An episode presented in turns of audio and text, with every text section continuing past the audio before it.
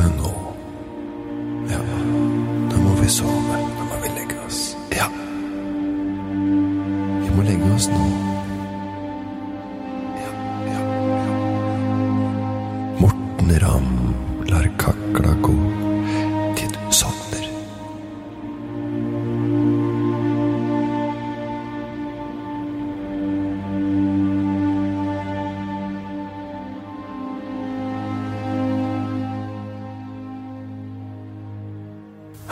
Og velkommen til denne podkasten 'Morten Ramla kakla gå til du sovner'. Det er en podkast du skal sovne til, eh, skreddersydd for deg som eh, ligger våken lenger enn nødvendig på kveldene. eh, Som skal hjelpe deg med å falle til ro og bli slappere og tyngre i kroppen. og ja, Få deg rett og slett i, i sovemodus. Og øh, hvordan jeg skal gjøre det, det er rett og slett å prate om øh, veldig kjedelige ting. Veldig kjedelige ting. Jeg skal prate om kjedelige historier, øh, kjedelige temaer. Alt som er veldig kjedelig å høre på, det skal du høre på nå, sånn at du sovner. Det er jo mange soveapper der ute som blant annet som er Ja, det er øh, regn, bølgesus, spamusikk osv. osv. Ikke sant? Men nå trenger du øh, bare denne stemmen her for å sovne, for hva er ikke mer kjedelig å høre på enn en kjedelig eh, person som prater om kjedelige temaer. Og det skal, jeg, det skal jeg gjøre. Det er eh, viktig også å tenke på at man ikke skal sovne på vonde tanker. Og, ja. Så jeg skal komme med kjedelige historier som du kan sovne til. Eh, og vi regner med å holde på en, en times tid her, og hvis ikke du har sovna til det, så, så er det, noe veldig, det er det veldig, veldig rart med deg. For det her er, kommer til å bli veldig kjedelig prat. Eh, jeg skal la kakla gå en time, og, og du skal sove innen den timen har gått. Hopp forhåpentligvis etter fem minutter. Tre, fem, 35 minutter. Men eh, ja, gå, kan gå, gå 10-15 minutter også. Folk er forskjellige, og så må man bli vant til å slappe av. Så du kan begynne med å legge deg ordentlig godt til rette. Jeg håper du kanskje allerede ligger godt til rette og åh, kan puste. Puste dypt ut. Deilig å slappe av. Ja, slappe av ordentlig, så tenke litt på og lange utpust, lange utpust, da går engstelsen bort. Ja, det er deilig, det er litt deilig det, at all den engstelsen går bort. Det får meg som puster tungt ut, ja, så tar vi en Samme med meg nå. Inn, og så tar vi en ut, ja. Vi skal begynne å prate om kjedelige ting, og det første som vi skal prate om, det er drømmer. Mm, det er jo også det Drømmer er jo det aller kjedeligste man kan høre på. Så øh, nå skal jeg fortelle dere om en øh, liten øh, drøm som dattera mi hadde i går. Det er ikke noe som er kjedeligere enn det. Det er ikke noe som er kjedeligere enn å høre på dattera si fortelle eh, om en drøm hun hadde, og i hvert fall ikke når det blir gjenfortalt av meg. For dere har jo ikke noe forhold til hun, ikke sant? så dere veit ikke hvem det er engang å høre på en drøm til en person som dere ikke kjenner. Det kan være ordentlig, ordentlig, ordentlig eh, tidtrøyt. Altså. Da blir du sigen. Da blir du sigen, da blir du tung i lokk. Da blir du tung i lokk når du hører på i drømmehistorier fra døtrene til barna til andre folk. Det er, verst. Det, er, det er nummer to etter folk som legger ut på Facebook at uh, guttungen på fem år Hun vil ikke tro hva han sa i går. Altså. Han sa Er det noe liv øh, etter øh, døden? Ja, hvorfor? Jeg har ikke sagt det i det hele tatt. Det er bare å glemme det. det er Foreldrene ljuger. De omformulerer barna sine og skriver det sånn som de ønsket at det skulle være. De formidler det på en annen måte enn det barna så på. ikke sant? Allerede nå så tenker jeg at du begynner, har begynt å bli litt søvnig av denne praten om, eh, om barn og drømmene deres og Facebook og foreldre som ljuger om hva de sier på Facebook. Det er, eh, det er jo noe av det dummeste jeg ser. Det er ingen barn som er så smarte som foreldrene eh, får, de til å virke som. Det er bare ljug. Det er ljug og fanteri fra ende til annen. En øh, drømmer, det er, det, er kjed, det er veldig kjedelig å høre på. Men trikset for å få folk til å høre på drømmen din, det er å, å dra med folk inn. Altså, hvis, noen, hvis, du merker at du mister, eh, mister eh, momentum, eller mister eh, publikummet ditt når du forteller om en drøm så Jeg var i butikken, så drømte jeg meg at jeg sto bak kassa der, og så Der var du! Du var der! Du var, du var, du var der i drømmen, du også. Du var Jeg kødder ikke. Du var med. Og, du, og, så gikk vi tilbake inn der, og da kom det noen andre folk og skulle hoppe over et stort sånt gap eller noe sånt. Noe. Og da ville du ikke tro at der var du òg. Du var med i drømmen. Alle var med, Begge dere var med i drømmen. Og det er jo helt rått.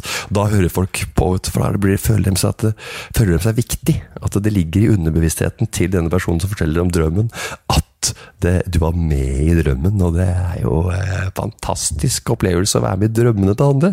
Hæ, tenkte du på meg i uvåken tilstand? Du jeg må bety mye for deg, og har sikkert veldig mye med, med, ditt liv å gjøre, selv når jeg ikke er til stede. Det er sikkert en kjempe, kjempefølelse, så, så, det er bare å ljuge på. Ljuge på om folk som har vært med i, i drømmen. Det er, det er, ikke noe problem. Men det er, det er kjedelig med drømmer. Men dattera mi drømte en, eh, hadde en drøm her om eh, forgårs eller i går eller i forgårs eller var hun to, Jeg husker ikke det er en av par-tre dager siden eller noe sånt. Hun fortalte den i hvert fall i går, eller i forgårs, eller var i, for, i går Eller var det i stad Nei, for, to-tre dager siden så fortalte hun drøm som hun hadde for to-tre dager siden. Som hun hadde hatt for det var, det, var, det var, lørdag eller fredag eller lørdag. For jeg husker han fortalte på en søndag.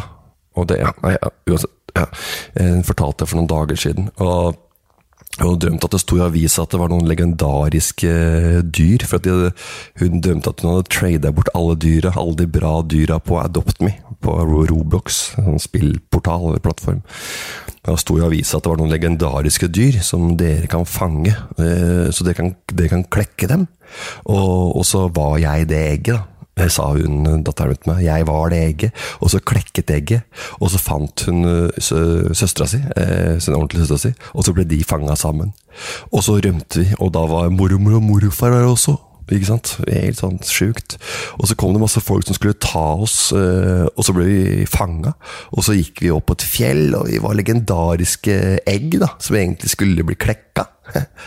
Så det var noe sånt du sa. Jeg husker ikke helt hvordan det var, men det var noe sånn at de hadde fått en King Bee Fly, og som de hadde bytta mot en Flamingo Ride eller noe, og så en panda. Så trada panda mot en Griffin Rider Fly, og så bytta Griffy Riden eh, og en Fly mot King Bee Fly Ride igjen. Og det skal visstnok være en bra, bra, trade, da, på Roblox eller på, på, på Adopt Me. Men eh, fattern var på ferie, da. Uh, han var på ferie han i fjor. Han pleier å dra opp til Kroatia hvert eneste år. Han drar dit uh, Han er blitt sånn uh, Det er sånn han har funnet seg til ro der. Og han uh, syns det er deilig å ha litt tradisjoner og komme tilbake til samme stedet. Så drar han til et sted som De river seg et par som heter Vera Amario.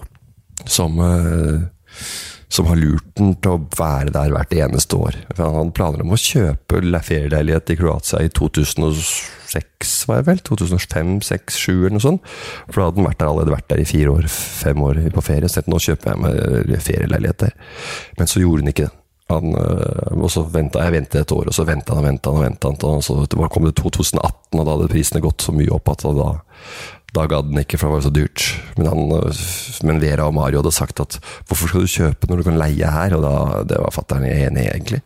Han kan jo bare leie der hos Vera og Mario, som leier ut. For der har han jo håndklær og sånn, ikke sant, som ligger klart til han. Som eh, sikkert ingen andre har. Eh, det er sikkert Vera og Mario leier sikkert bare ut til han.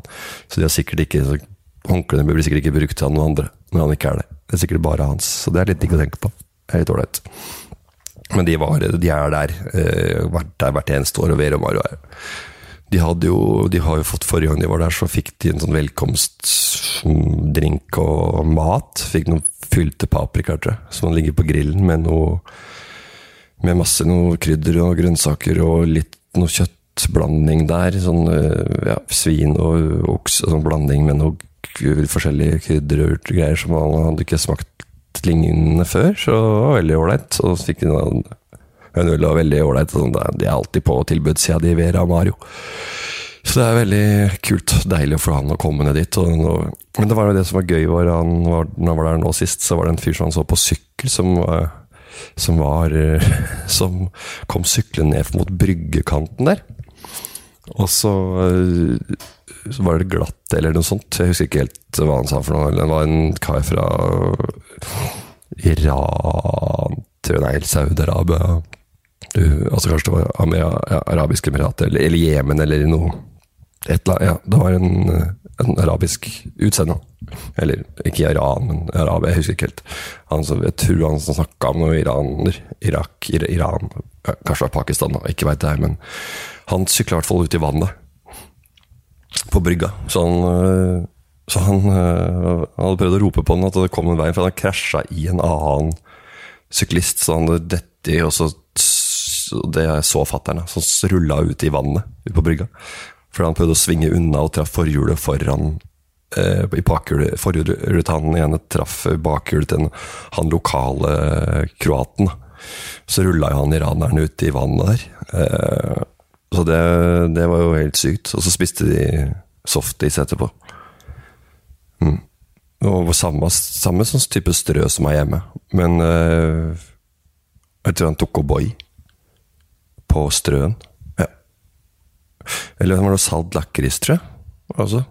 Jeg vet ikke om han blanda med ulike, men hvert fall, de var i hvert fall der nede for å spise en is, eller var på vei til å kjøpe is, spise en is, kjøpe en is. Og det fikk de kjøpt. Og så det var et annet sted som egentlig har en sånn italiensk gelato, som er dritgod, som han sa. Men den hadde ikke eh, Den hadde ikke eh, åpent da. Så de gikk på en softdisk isteden og spiste noe tutti fruttestrø og, og sånt.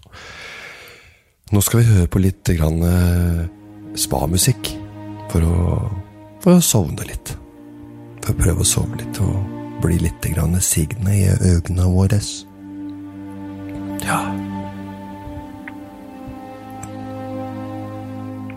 Og mens spamusikken går, så kan jeg fortelle dere en liten ting, og det var at ting det var veldig annerledes før. Det var veldig rart. Eh, det er ikke alle som Nå Da må jeg hoste litt.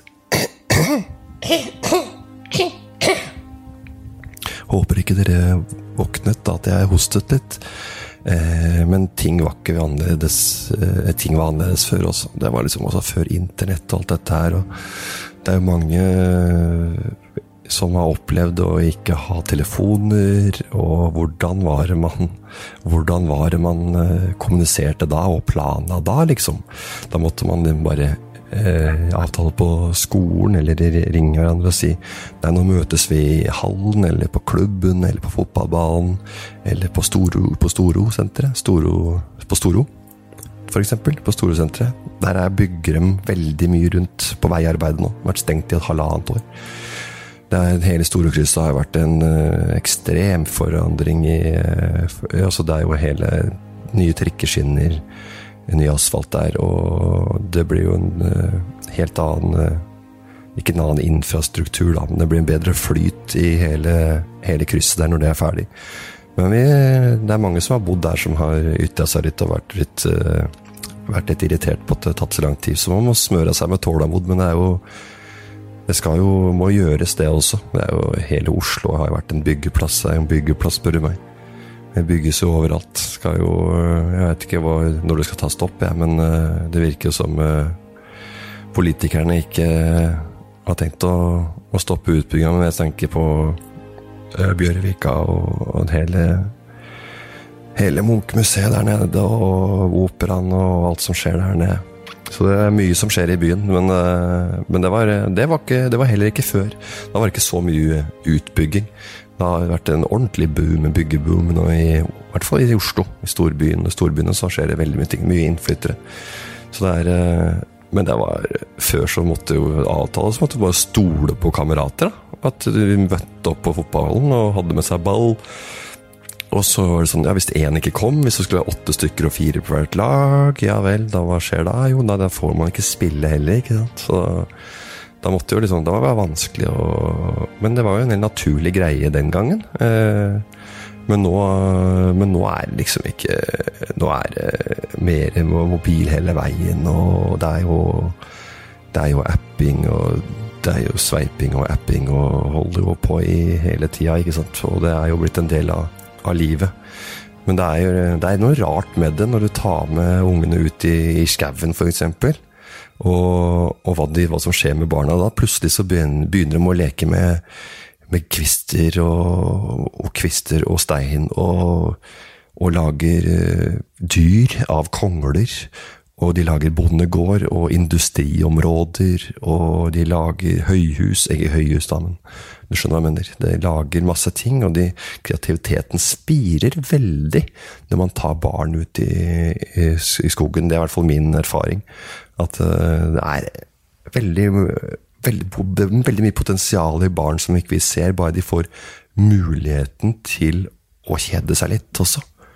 Og det er en Det er, en, det er noe vi, vi må tenke på, vi som er voksne, vi som både har barn, og de som skal ha barn. At det er faktisk viktig at vi, vi vi, vi, ser noe mer i barna enn bare enn det de har lyst til å holde på med sjøl. La dem kjede seg litt, la ta dem ut i skauen. Eh, ikke gi opp etter fem minutter. La dem få sitte litt og prøve seg fram. Så vil du se at det åpner seg et, eh, et en helt ny le lekeplass altså, for, eh, for, barn. Det er fantastisk å se hvordan det, er, eh, hvordan det der fungerer. Men det var litt annerledes før. Da måtte vi ut, vi måtte sykle overalt, og det var Nei, det var helt at vi blei jo ikke ble ikke noe mer sjuke heller, egentlig. Vi, ble ikke noe, vi var mye ute før, og foreldrene mine og besteforeldrene igjen der var mye mer ute enn meg igjen også, sånn, vi var, da vi var små. Men de ble ikke sjuke, egentlig. Eh, jeg snakka med en som uh, var det, en på butikken for litt siden, her nede på ja, nede ved Sandaker der. Han, han, var sjuk, han, han var ute. Han hadde fått eh, hele Han hadde fått en ny nyreoperasjon. Han hadde pusteproblemer, og han hadde en sånn uh, puste, pust, litt pustehjelp. Så han hadde en sånn greie på, på denne her uh, bilen sin, den permobilen, den der kjøregreia, elektriske bilen sin, som han satt i. Så hadde han sånn, også en sånn Ja, en Hva skal jeg si sånn, ja, pusteboks, da. Så man fikk litt hjelp til å puste hvis han, han, eh, han trengte det. Men jeg, men jeg hørte en annen også som likte på Plantasjen å gå inn i det rommet. Hvor det er veldig mye oksygen, ikke sant. Veldig masse oksygen i, i rommene, for at de, de pumper det ut pga. plantene skal ha det bedre og være friskere. Og det gjør de også i i Vegas, Las Vegas, så gjør de også det. Da trykker de ut masse oksygen ut i spillokalene, sånn at folk skal holde seg våkne. Så det er mye mer oksygen i gamblingområdet enn det er på rommene, f.eks. Det er for at folk skal faktisk eh, føle at det er eh, dagtid. Så det er ikke noe vindu eller noen ting der.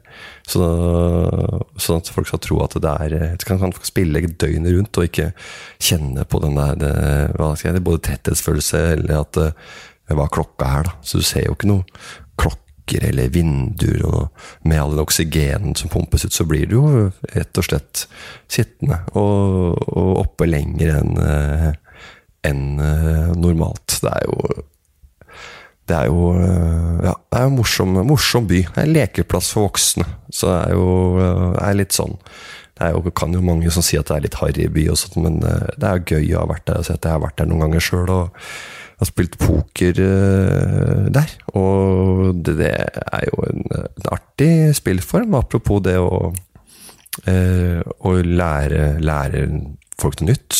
Lære barna noe nytt, gjøre noe nytt, spille kort. Det kan være en fantastisk opplevelse å åpne mye ting. Det kan lære dem å regne, som i poker. Og, ja, det, er veldig, det er mange ting som, som kort drar med seg. Da. Ring, positive ringvirkninger som som f.eks. det å bli, bli eh, ja, mer eh, trygg på tall, eh, blant annet. Men, men hvis ikke dere har sovna nå, så skal jeg fortelle dere om noen hender som jeg tapte i poker en gang. Altså såkalte bad beats. da. Det er kanskje noe av det kjedeligste å høre på, noe man kan sovne veldig godt av. Det er andre som forteller om hender som de har tapt, hvor de hadde uflaks, hvor de følte at de hadde uflaks. Og jeg, jeg eh, satt en gang med S6, A6 da, på handa, for du får to kort og utlevert. Så flopper jeg to par, ikke sant? og så taper jeg mot AK. altså, jeg taper mot AK, jeg flopper jo to par, men han hadde toppar øh, og en kicker, da. Så han treffer denne kickeren, altså toppar. Altså A, altså en god kicker er jo ved siden av S. Så han treffer jo han treffer jo på S-et der, men jeg har jo S, jeg også, og to par. Men så treffer jo da han eh, på, med K, eh, med kongen sin, på, eh, på, på, River, altså siste kortet etter vi har gått all in. For jeg går jo all in med to par, ikke sant. For, men så taper jeg da etter floppen. Med, han sitter med AK og syner den, og får det altså den på på, på turn var det, tror jeg. På turn, altså det kortet etter floppen. Først er det tre kort, så er det ett kort, og så er det ett kort til. Så fikk han på det fjerde kortet som er på bordet. Ja. Og ja, nei, ikke sant. Og så jeg, ja, nei, man blir, jo, man blir jo litt satt ut. Jeg mener jo at jeg hadde god Store odd, altså Oddsene var på min side. Men eh, jeg, jeg, hadde en annen hand som jeg gikk all in med, med 7-7. Det gjorde jeg priflopp. Eh, kanskje litt unødvendig eh, å gå priflopp 7-7 eh, med syv, par i syv på handa, altså. Eh, jeg visste at jeg hadde kanskje jeg vet ikke, mellom 1 og 2 eh, sannsynlighet. Eh, men jeg var fortsatt i, i muligheter. Men jeg var tapt igjen. Det er ikke akkurat en bad beat, da, siden jeg jeg, jeg mangla egentlig sånn 52 sjanse for å vinne for å vinne. Så det er ikke en bad bit, men jeg tapte den hånda også. Med par i syv på hånda. Det var litt ergerlig. Ja, men uansett, så ja.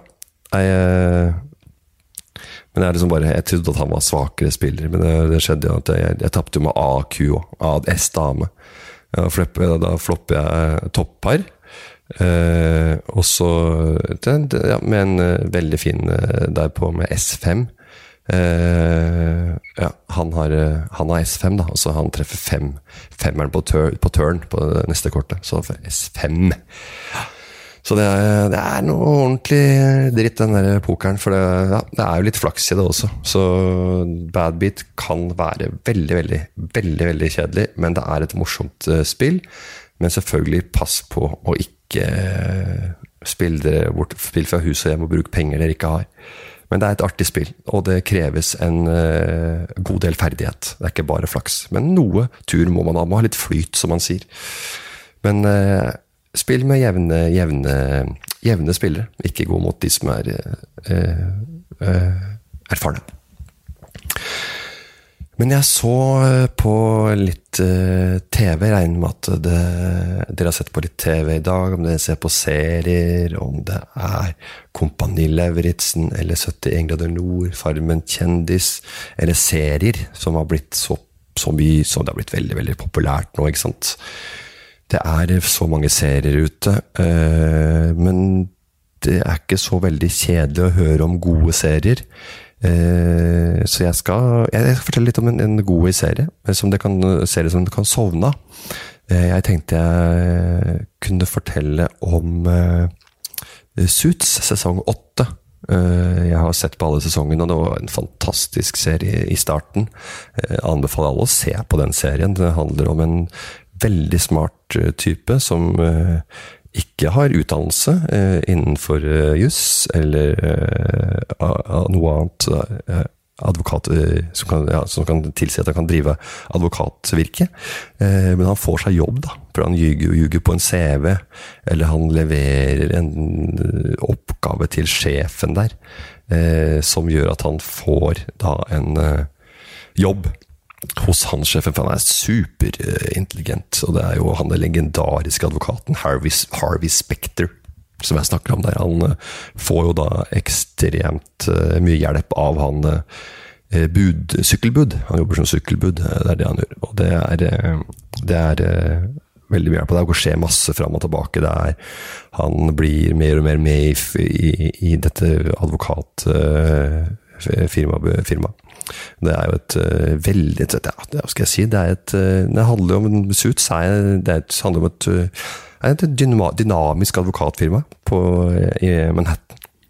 Harvey Specter er, er sjefen der, og har med seg en veldig superintelligent, men ganske følsom partner, Louis Litt. Eh, og i sesong åtte så har Donna Paulsen, Paulsen eh, som de har også hatt en greie på gang tidligere. Eh, og er vel egentlig ment to, meant to be for hverandre. Men eh, det blir liksom aldri noe av. Men hun har vært tidligere sekretær, men nå er COO eh, på, eh, i dette advokatfirmaet. Og Harvey Spector er CEO, da. Og COO, COO det er Chief Operating Officer, er vel eh, det det er. Og CEO er da Chief Executive, executive Officer. Det sier kanskje ikke ja, det, er en administrerende direktør. Så det er jo eh, Ja. Så, også COO, det er jo en Chief Operating Officer, som da uh, Ja. det er jo Louis altså, Donna COO er en, eh, ja, hva skal jeg si, det er Store konserner i utlandet har COO. Det er ikke alle som har COO i Norge. Det er på en måte CEO-ens eh, høyre hånd, eller den som er rett under eh, CEO. Det er den som hjelper CEO-en med ja, For å få en bedre struktur, eh, altså, altså ansvarsområder som ikke CEO kan ta seg av, men som, kan, som COO kan gjøre da, med et selskap. Eh, så kan han komme med ønsker da, fra toppledelsen, og som eh, jobber mer operativt ut mot selskapet enn de øvrige i ledergruppen, da, som da CEO som sitter på toppen gjør. Så CEO er litt under der og gjør eh, ja, en sånn Operasjonsdirektør tror jeg vel er det nærmeste norske ordet man kommer her, eller som jeg kommer, som jeg kommer på her nå. Det er en avlasting for toppsjefen. Eh, å ta det ja, ja, trusler og utfordringer og omstillinger som eh, skjer i et eh, større firma, og det er jo da eh, eh, Donna Powelson er nå COO, da, istedenfor. Så det så ja, så det er, men det, ja, det er en del selskaper som har valgt å ta bort CEO-rollen også. Eh, eller legge den eh, type oppgaver hos f.eks. en finansdirektør, da. Som kan faktisk kanskje gjøre de samme, og ja, da er man jo kvitt en sånn lønnsinntekt. Men denne trioen her, da, de, de holder på og eh, håndterer saker på høyeste nivå, vil jeg si, ved hjelp av eh, veldig dyktige advokater som Alex Williams og en som heter Katrina Bennett. Og ja, Så de har bare kommet seg inn i firmaet. Og, ja. og en som heter Samantha Wheeler, hun har kommet seg i firmaet, men hun slutter eh, Nei, hun, ja, hun kommer til Spektra. før slutter et annet firma. Og, så, ja, og hun ja, og da utfordrer han på en måte Louis Litt sine status, da. Eh, ja, men uansett så må, må disse, disse, skarpe advokathjernene stole på egen kunnskap, fornuft, intuisjon, for å holde klientene sine og holde firmaet over vannet. For det er veldig mye som skjer der ute, og det er mye som står på spill hele tiden. Og man veit aldri hva som skjer ned rundt eh, neste, neste hjørne, eller neste, neste rettssak. da.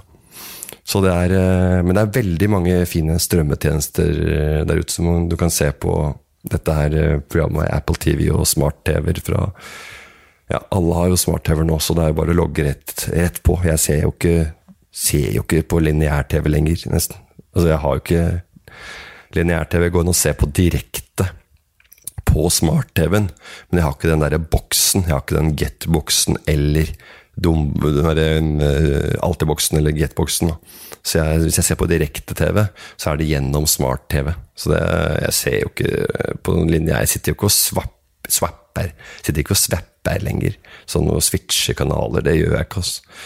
Eh, men så kan man sitte og surre seg bort da, og se på den ene serien etter den andre, og så plutselig litt på mobilen. og Noen ganger så tenker jeg, som her, at det er viktig å logge av og slappe av. Legge seg rolig ned og hvile, det er viktig. Det, altså, det er eh, Altså det er noen ganger sånn, altså Telefon, altså smarttelefon, smart-TV og smarttelefon altså Noen ganger tenker jeg at jeg ikke har smarttelefon, men dumtelefon. At jeg har dumtelefon. At den ikke er smart i det hele tatt, men at den er dum. Det er, eh, det er noe med da. Det er liksom det er det dum-TV.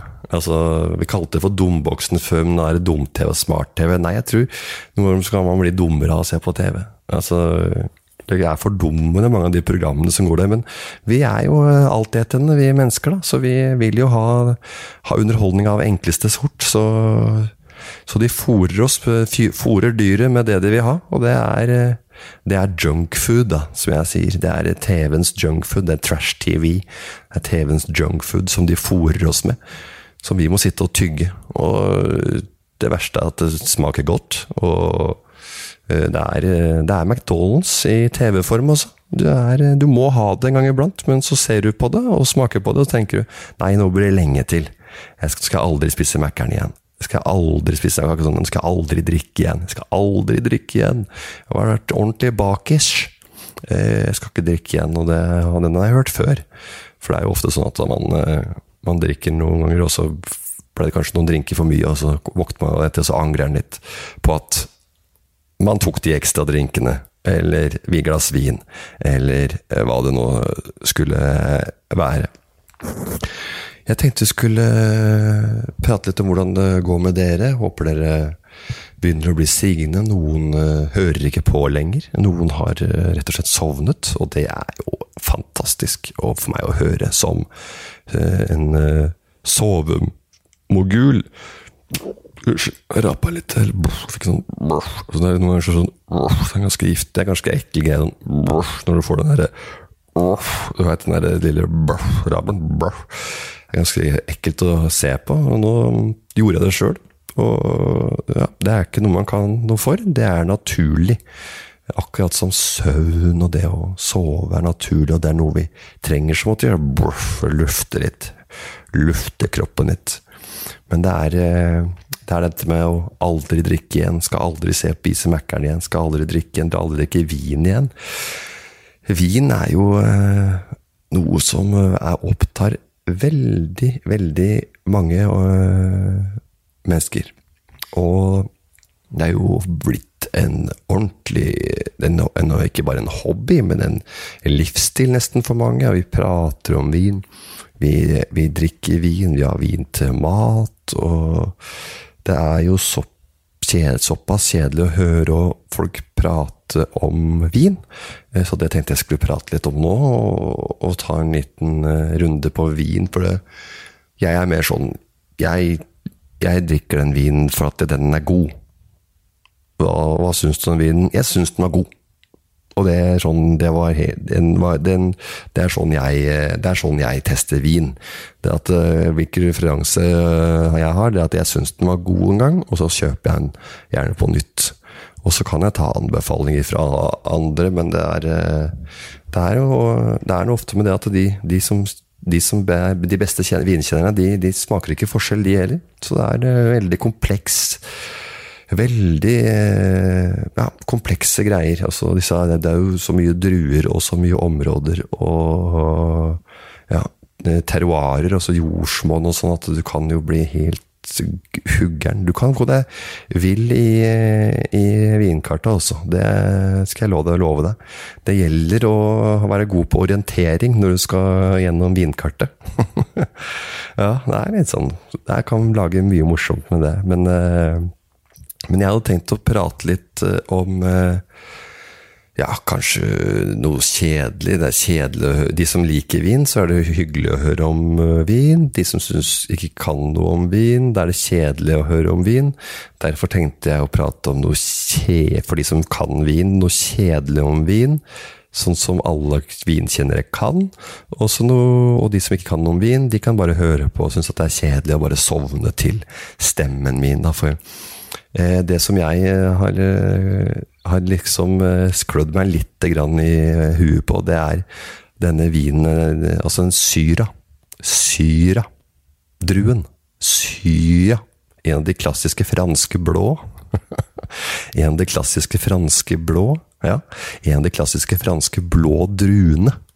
Det er en, eh, det er en syra, eh, og det er jo en som Ja, den, dyrk, den kommer fra Ron, Ron, det regionen. Cotuon, blant annet. Jeg kan ikke så mye, men jeg har lest litt bøker. Jeg har lest, egentlig bare lest masse bøker for å parkere venner som tror de kan ha greie på vin. Så jeg har lest meg opp sånn at jeg kan komme med tilleggsspørsmål og, og sette dem litt på plass. For det viser seg at de kan ikke så mye som de, som de tror de kan. Så det er litt artig, da. Men denne det, drua er syra. Den kalles også shiras. Syra og shiras er samme drua. Hm. Så det er litt artig å tenke på. Altså det er i områder sånn i Europa og Sør-Amerika blant annet, og USA, Californien, så kaller de den for Syra. Mens i Sør-Afrika og Australia, ja, hva kaller de den der? Shiras. Samme drue, forskjellige navn på forskjellige kontinenter. Så det er uh, artig. Og i Canada også, det skal ikke være helt sikker, men i Canada tror jeg også de kaller det Shiras. Syra for Shiras. Men det er jo uh, Ja. Så det er, uh, men det er sikkert noen som har smakt smakt viner, og så står det Syra eller Shiraz på den, og så da kan jeg tenke på at ja, den stammer egentlig fra Frankrike. Og selv om mange trodde den kom fra, fra Persia. Fra en by som heter Shiraz. Shiraz. Ikke sant? Jeg veit ikke helt hvor byen uh, Shiraz er, da. Men jeg, jeg tror det er i eh, ja, Iran. Altså bare, ja, ja, ja, Iran er det selvfølgelig. Persia. Nei, men det er jo liksom sånn man skal lære litt hver eneste dag, så det er, det er morsomt. Og, og, noen trodde vel at den kom fra Iran, da. Altså byen Shiraz. Altså, hun andre trodde den kom fra Egypt.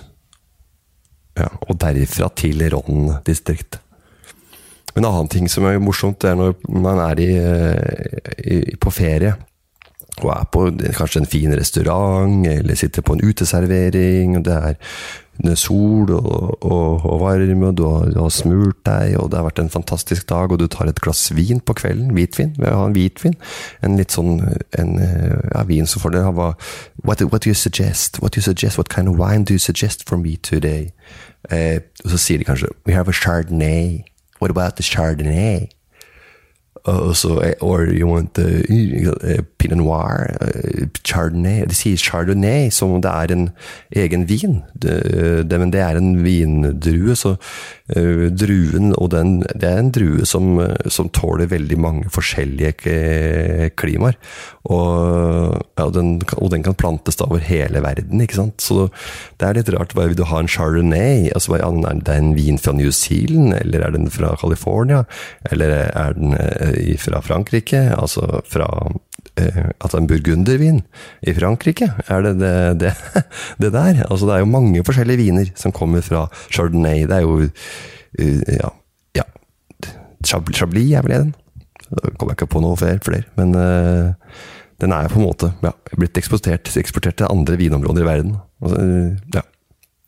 Så den, den, trives i alle klimaer, og ja, den er Den er har vel et så tydelig preg uten at jeg klarer å, å si noe om det, men uh, den er vel litt Kan være ja, skarp, crispy og litt tørr der, og liksom at den uh, ja, ja, det er i hvert fall en veldig, veldig ett etterspurt eh, hvitvinstrue. Eh, det er det. Så, som kommer fra da Burgund i Frankrike. Men, men dyrkes med hell over hele verden. Den, den vokser meget villig. Ja. Lite kresen på jordsmonn og klima, som vi snakka om tidligere. Rå terroirer. Så den kan plantes i alle verdensgrener, for, for, å oppsummere eh, lite grann. Ja, den har Ja. Ja, jeg som, sa, som jeg sa, fresh, crisp kveld på en sol, solnedgangen, og du trenger noen litt sånn ja, deilige sommerkvelder, så er det fint å ha denne tørre vinen, altså med denne crispy-smaken. Men den var også sånn, med fylde og rikhet. Men det er mye eh, og syre og mineraler, så det er veldig, veldig, veldig gode, gode viner. Spesielt fra, da, spesielt fra Chablis da, og Bourgogne.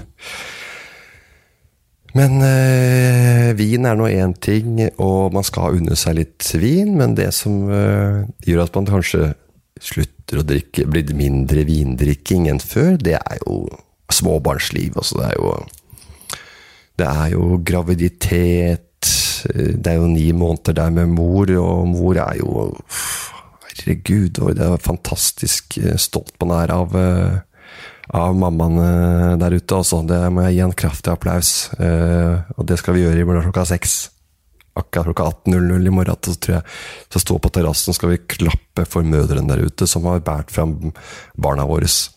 Det er jo så De er så mye tæl i de kvinnekroppene når, det, når de de, de ungene skal ut. Altså. Det er, det, ekstra, nå hadde jeg keisersnitt med begge mine to, men eh, de andre som virkelig står på oss, det er eh, De går i krigen for oss. Det er, eh, det er ordentlig primitive greier, og det er ikke alle, det er ikke alle som, som tåler det. Mannfolk har ikke Det har aldri tålt det.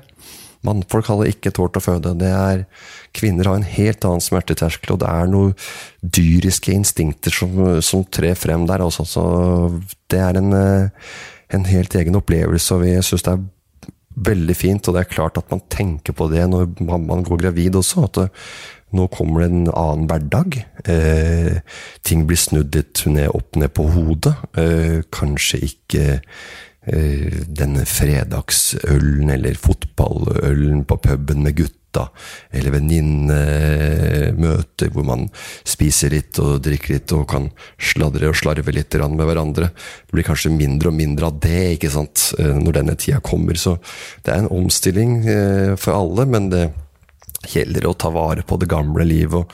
Men på en annen side så er det en greie som går naturlig også. Det er ikke alltid det er eh, barna som gjør at man ikke er, kanskje ikke er så sosial med andre så lenge. Det er kanskje alderen også.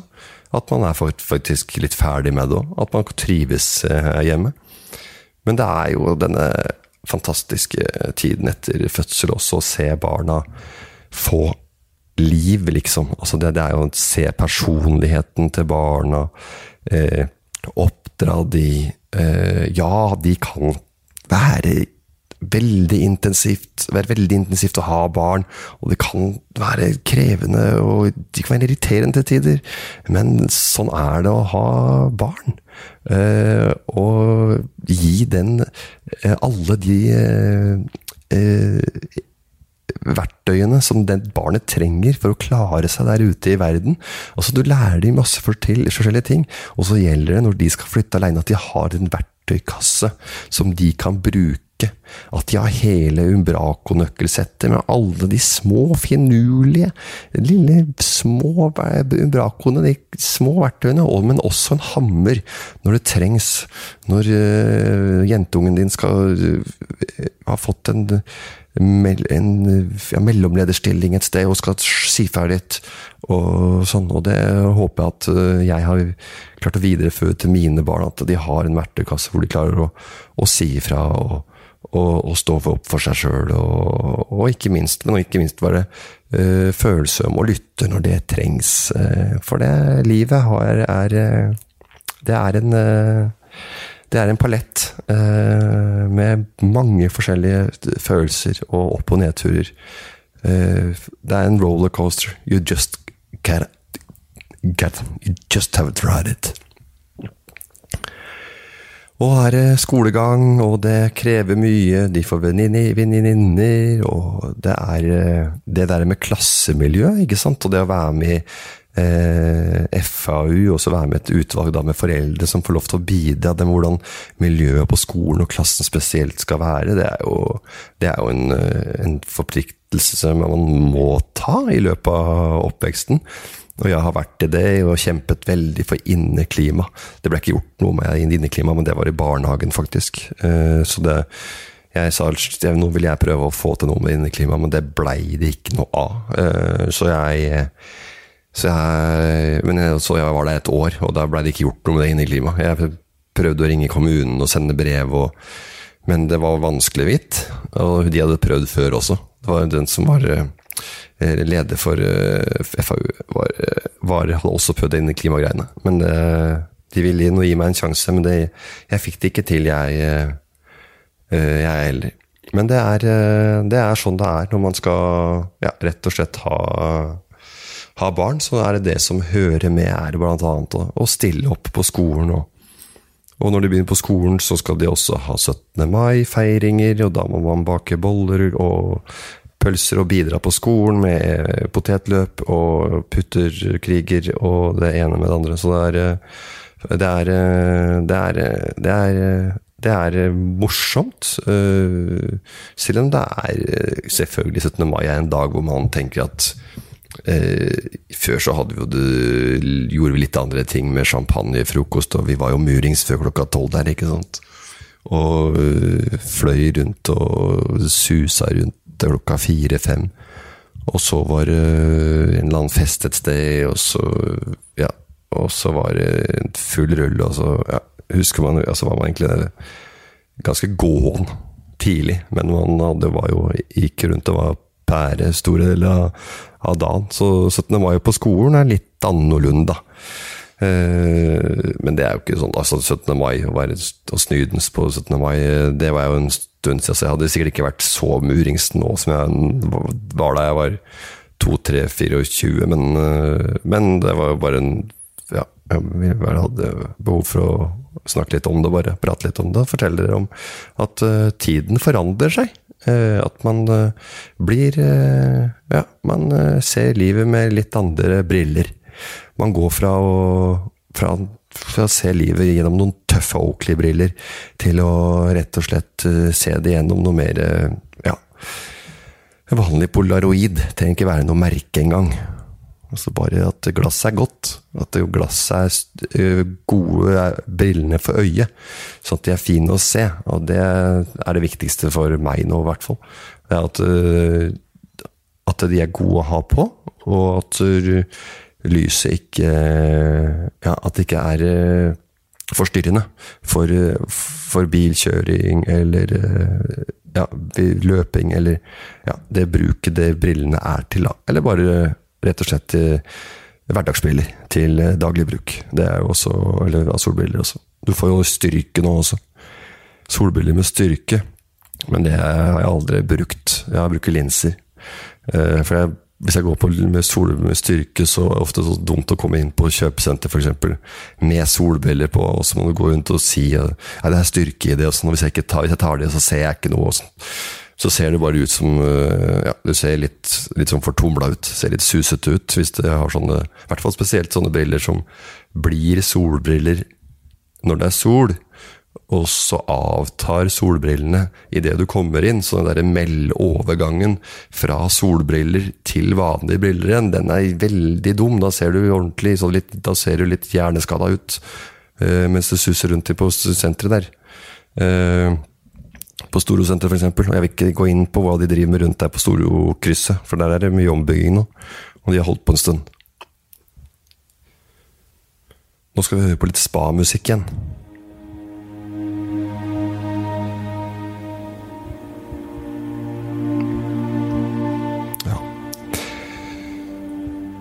Det er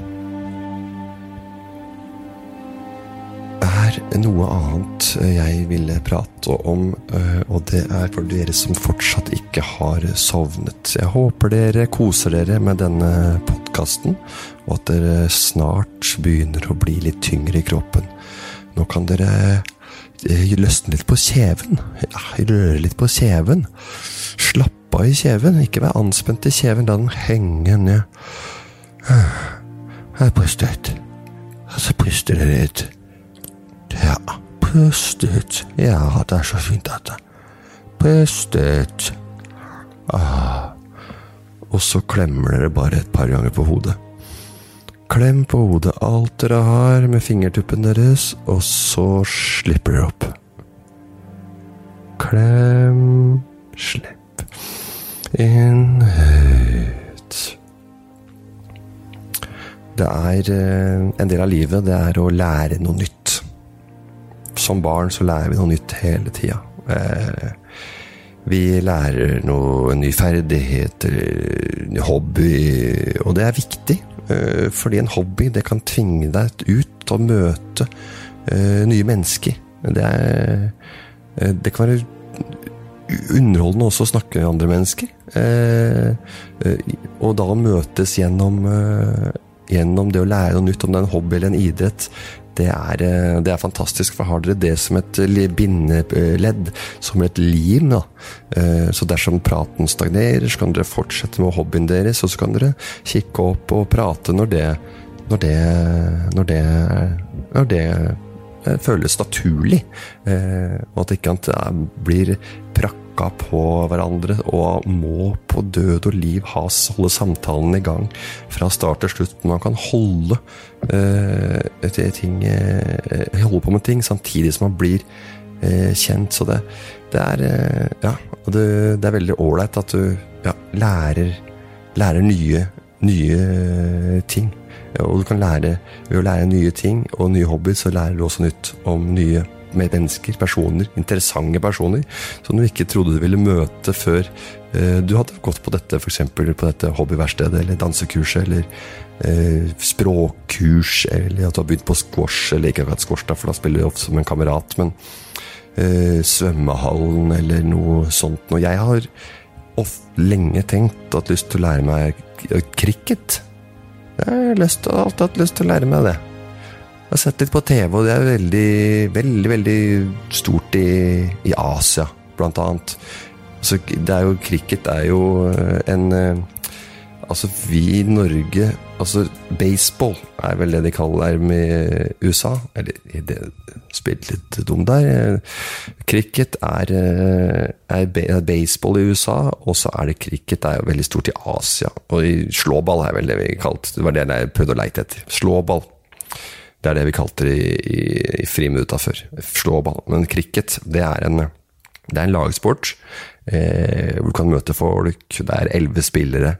Eh, den kom vel fra England, men eh, den har blitt størst i, i Asia, altså Pakistan blant annet veldig veldig store. Australia også er veldig store, men Pakistan, India og det, altså der, er, der er sporten ekstremt stor. Og det er jo egentlig bare og får mer poeng enn den andre. Eh, det er eh, De slår ballen for å, for å få poeng. Eh, mens det utelaget, det prøver å få dem ut, da. Ved å unngå at innløget scorer poeng. Det er at de slår ballen.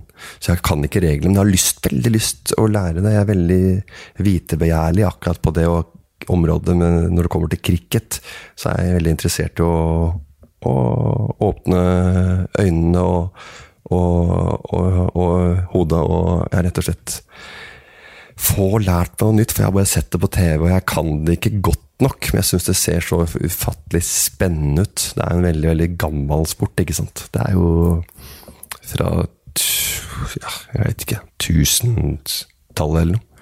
Det er eh, ja, det var sånn kongelig sport for mange år. Så var det høy klasse veldig flotte folk som eh, Ja. Så det var vel Jeg veit ikke når det begynte. Jeg, men jeg tror det var 1500-, 1600- eller 1700-tallet eller noe sånt. At det begynte å komme cricket. Så det er, eh, det er jo det som er med cricket. Jeg vet ikke og Grunnen til at jeg ikke veit det, det er at eh, jeg, jeg tenkte bare at kanskje Ja. At fotball kom på den samme tida. At det også at det også er. Og jeg, og jeg er veldig opptatt av fotball. Så fotball var ja, Det begynte vel å slå seg opp i, på 1800-tallet også. Jeg er ikke helt 100% sikker på det heller, men det var noe Ja. ja de store var, det var noen sånne universiteter som begynte. Cambridge eller noe sånt, jeg er ikke sikker. Men eh, nå skal ikke dere oppdatere noen venner eller svare dette på noe quiz, men jeg tror eh, Sheffield United, Sheffield fotballklubb, var, som var en av de større klubbene i oppstarten. Men eh, som sagt, ikke, ikke, ikke veldig, veldig eh, oppdatert på det området hvor når dette her, her eh, starta. Men, det, men fotball, lagspill, lær noe nytt. Prøv dere på møte på fotballtreninger, selv om du ikke kan det. Fantasy Premier League kan du spille, da har du noe å snakke om på lunsjen på jobben. Spille Fantasy Premier League, dette er eh, fantasispill hvor du har ikke, Det er ikke fantasispill, men du, har, du setter opp et lag eh, hvor du kan følge med fra uke til uke om, eh, om eh, om hvordan laget ditt gjør det. Det laget du har satt opp, så får du poeng da, ute for hvordan, ditt, hvordan det går med laget ditt. Uh, jeg uh, begynner å bli litt sigen sjøl, men jeg skal la kakla gå til du sovner, så jeg holder på litt til. Og tenkte jeg skulle avslutte med et lite tips på hvordan du kan legge opp en en reise, f.eks. Eh, hvis du er en jentegjeng eller en guttegjeng som har planer om å dra på tur, eh, så kan det ofte være veldig sånn vanskelig å finne en dato. Når skal vi dra? Hvem skal være med? Nei, det passer ikke for meg da. Nei, det passer ikke for hun da. Det passer ikke for han den gang. Da og hver gang når, for å si det sånn. Og hva, hvordan kan man løse dette her, da? Da er det veldig ålreit, eh, hørte jeg fra en på en naboen på hytta. Eh, eh, som sa det til meg, det var for et par år siden, tror jeg han sa det. Eller for to, to eller tre år siden. Eller fire. Det var i hvert fall på Det var i pås... Nei, det var vinterferien. Vinterferien for tre år siden. 2017, tror jeg. 2017 eller 2018, jeg, husker ikke helt. Men han fortalte at han hadde et veldig godt tips. Det at det, du trenger ikke ta med alle på en gang. Allier deg med en tre-fire kamerater, eller gå sammen bare med én kamerat. Eh, for da kan det være vanskelig å finne en, en helg for alle. Én eller to kamerater, så er dere tre i gruppa. Og så sier de 'Vi har satt en dato'. Vi har satt en dato. Vi skal dra på tur. Vi skal dra til uh, Alpene, vi skal dra til Miami, vi skal dra til København. Vi skal til uh, Det kan være til Røros og besøke gruvene der oppe, eller hva som helst også. Men vi har satt en dato, og vi tre drar. Uansett. Vi drar på tur. Og vi, uh, vi drar på, på, tur. Og vi skal eh, dra, og meld dere gjerne på. Så slipper man det greiene fram og tilbake med at Nei, jeg kan ikke den datoen. Og så er det poll på Facebook på, i, i, gruppa. Det er full fyr på, i chatten. Og nei, jeg kan ikke, da kan vi ikke flytte. Det var dårlig gjort at det la opp der. Nei, så kan folk melde seg på. Og så kan man f.eks. leie en, en, leilighet eller et hotell. Og så kan man bare f.eks. holde mange, tjenester, mange bookingtjenester på nett som kan eh, ha gratis kansellering av hoteller. Kan holde fire rom holde fire rom, og så kan folk melde seg på og si ja, så supplerer man bare da. 'Jeg har lyst til å være med.' Ja, da trenger vi to rom til. Da er vi fem. Og vi er ti i gruppa. Uh, tre kunne ikke. Nei vel, sorry. Men da, vi, da ble vi sy, og, syv. Og det er uh, Det er jo et uh, Ja, det syns jeg er ganske bra uttelling av en gruppe, gruppe, på ti, og få med syv. Men gå sammen med én kamerat, venn, venninne og sette opp tur. Vi drar den dagen, vi drar, og vi drar til Barcelona, f.eks. Selv om det ikke er London eller Barcelona. Det er ikke det mest kreative. Hva så? Men dra dit. Men det, det blir koselig uansett. Og det er herlige steder, nye steder å oppdage i Barcelona. Selv om man har vært på de stedene, alle de stedene før. og det er, eh, det er, jo fine museer du kan dra på. altså Du begynner jo, det er jo på La Rambla, ikke sant, med alt det jeg har å tilby. og det, Der er du én gang, for det er litt sånn touristy, spør du meg.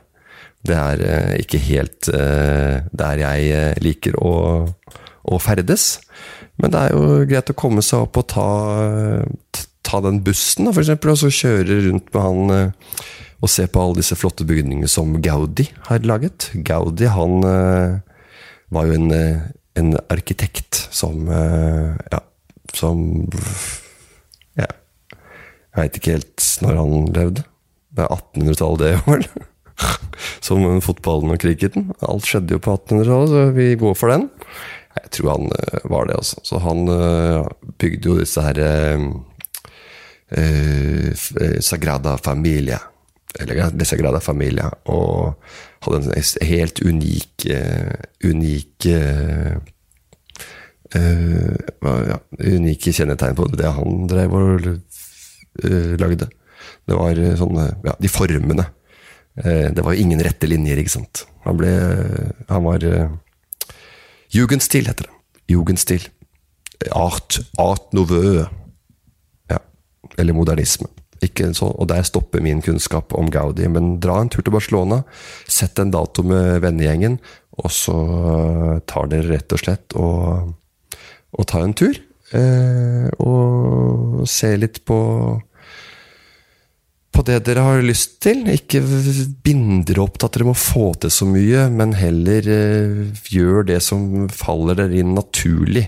Sett opp to-tre ting, ikke noe mer enn det, og så spiser dere lunsj, og så Ja, dere spiser når dere er sultne, og drikker når dere er tørste, som jeg sier. Og sover når dere er trøtte. Og det er litt av det som eh, ja, det handler om her i dag, og det er å, å sovne. Eh, men jeg vil helt avslutningsvis, eh, hvis ikke dere har sovnet nå, så vil jeg si en ting om reise også. Og det er, det er artig når man er på på tur. Og så har man bestilt f.eks.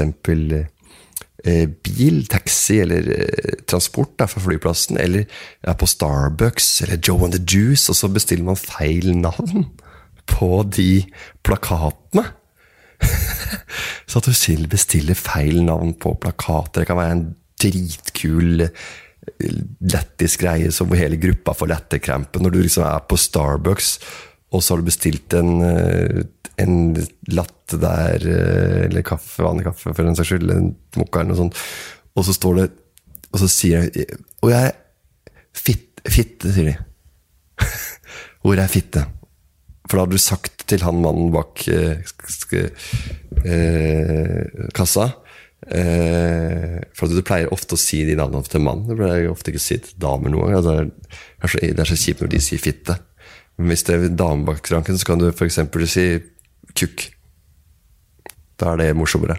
For da er det en dame som sier kukk, og så er det en mann som sier fitte.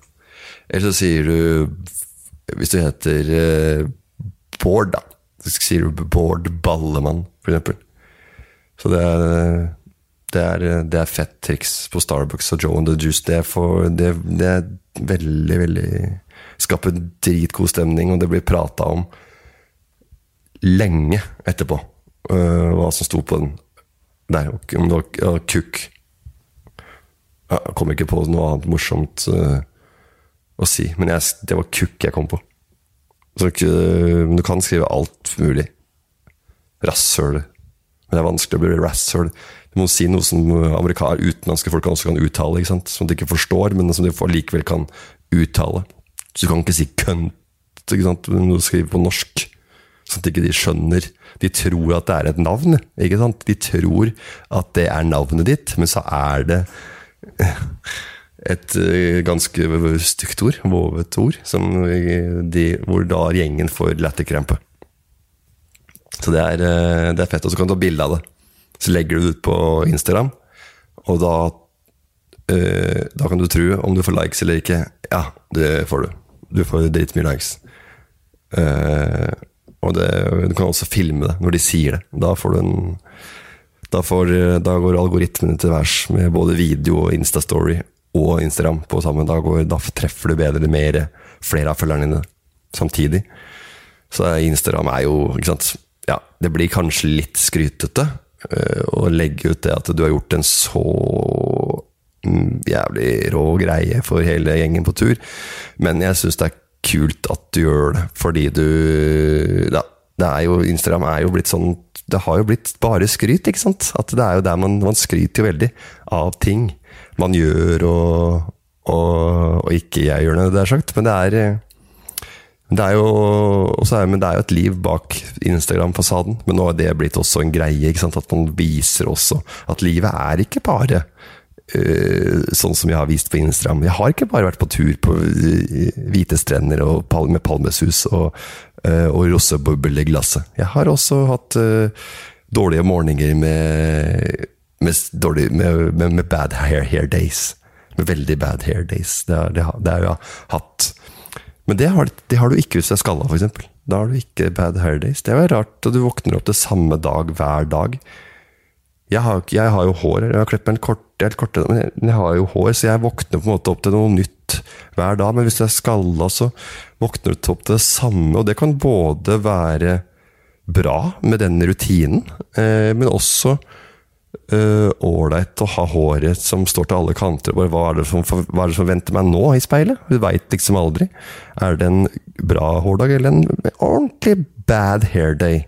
Og når du har en bad hair day, så da er den, da er den umulig å, å, endre på. Da er, bad hair, da er det bad hair day. Det er ikke det samme som å stå opp med, samme, stå opp med feil bein.